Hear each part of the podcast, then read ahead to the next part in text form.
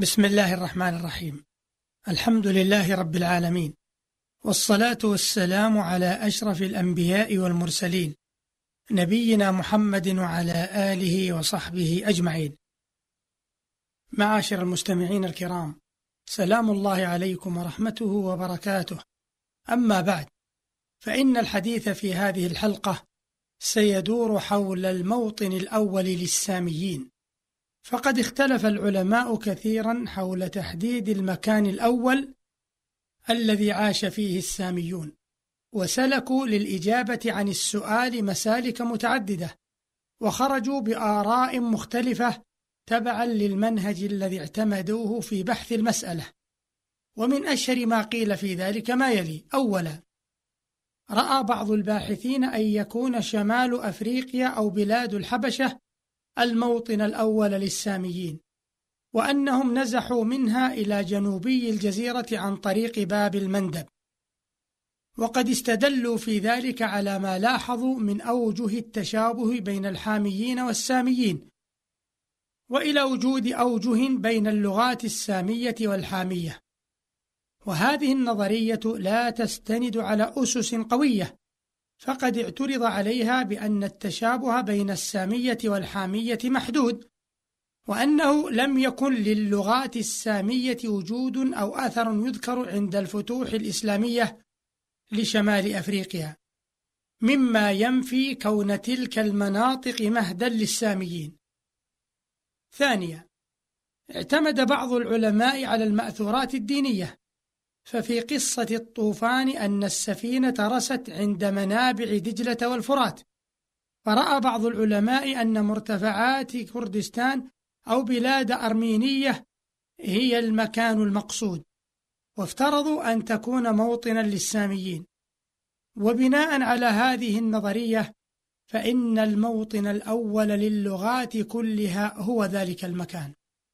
ولكن أصحاب النظرية يقولون إن حام طرد وإن يافث انطلق إلى مكان آخر. ولم يبق هناك إلا سام. والنظرية كما يبدو تعتمد على تصورات لا تستند كثيرا إلى الواقع لذا لم يكتب لها الرواج كسابقتها. ثالثا مما قيل في موطن الساميين الأول أن بعض العلماء افترض أن تكون بلاد كنعان وهي الشام هي الموطن الأول للساميين. واعتمدوا في ذلك على دراسة الأساطير والمأثورات الشعبية.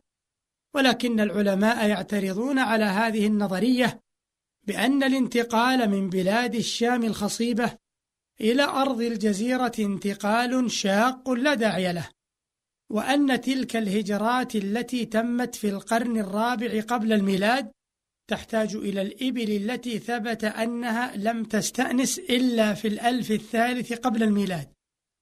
رابعا مما قيل في الموطن الأول للساميين أن سهولة العراق وما بين النهرين هي البيئة الأولى التي نشأ فيها الساميون.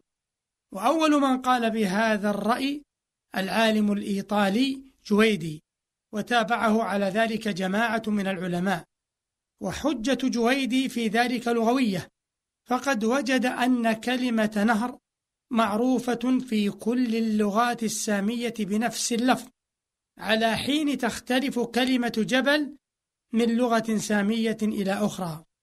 كما لاحظ أن كثيرا من أسماء النباتات والحيوانات تشبه ما يوجد في البابلية الآشورية التي كانت في العراق أكثر مما تشبه العربية. واستخلص من ذلك أن يكون الساميون قد عاشوا في سهول العراق.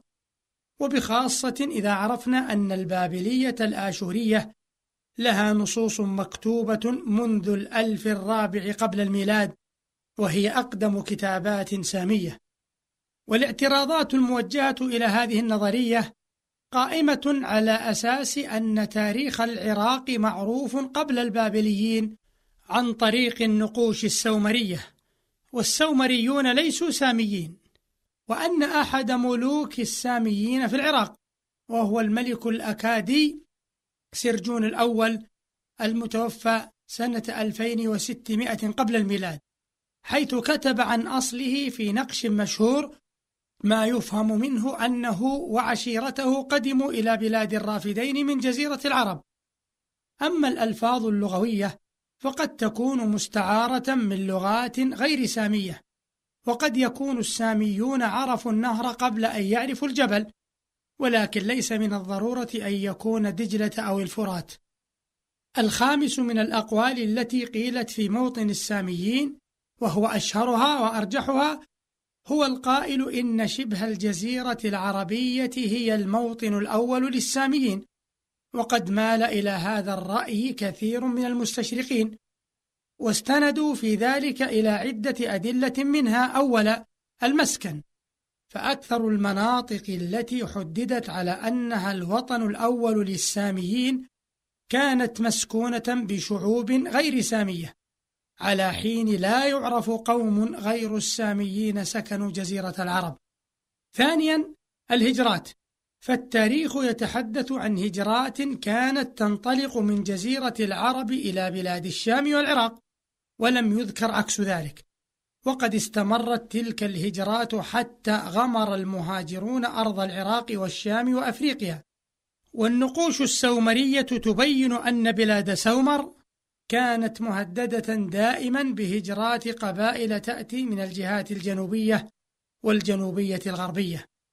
ثالثا ملاءمة بلاد العرب، فقد ذكر بعض العلماء أن بلاد العرب كانت في العصور القديمة كثيفة السكان، خصبة الأرض، موفورة الخيرات، تخترقها عدة أنهر، وأنه على أثر بعض الظواهر الجيولوجية فقدت تلك المناطق خصبها فنزح أكثر سكانها إلى مناطق أخرى. وقد عرف العرب السدود والأنهار. وقصص القرآن الكريم تحدثنا عن سبأ وعاد وثمود وغيرهم كما تحدثنا عن القصص الدينية والروايات التاريخية عن كثير من الأمم التي سكنت جزيرة العرب وكانوا يعيشون في رغد من العيش وأن الله تعالى انتقم من كثير منهم لكفرهم بنعم الله. رابعا مما يرجح أن شبه الجزيرة العربية هي الموطن الأول للساميين أن العرب أقرب الشعوب إلى السامية، فالمستشرقون يرون أن أقرب الشعوب إلى الساميين لغة وخلقا هم العرب، الذين بقوا في أرضهم ولم يختلطوا كثيرا مع غيرهم. وأن كثيرا من الألفاظ السامية يعبر عن عقلية تعتمد على المشاهدات الحسية التي تنشأ في الصحراء. هذه الأدلة دفعت بكثير من العلماء إلى الأخذ بهذا الرأي، وإلى افتراض أن أقدم موطن للساميين هو جزيرة العرب، أو أنها أقدم موطن عرف للساميين. بمعنى أنه لا يستبعد أن يكونوا قد نزحوا إليها من مكان آخر في فترة مغلة في القدم.